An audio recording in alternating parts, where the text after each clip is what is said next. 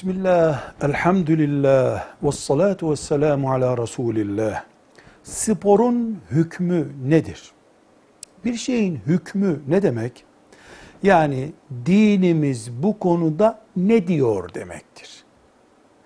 Sporun hükmü ne demek? Spor konusunda dinimiz ne diyor demektir. Ya farzdır der. Yani Allah bunu yap diyor.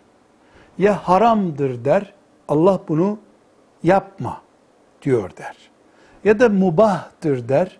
Yani serbestsin demektir. Spor mubah bir iştir. Serbest bir konudur. Eğer spor doktor tarafından önerilen bir iş olursa, mesela filan hastalıktan dolayı şu kadar şu sporu yapacaksın derse farz olur. Çünkü doktor insan sağlığını teşvik eden bir emir vermiştir. Bu emir dinin hükmü durumuna gelir.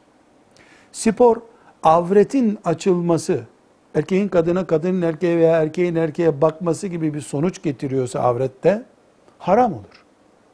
Spor beraberinde toto, loto gibi kumar getirirse haram olur.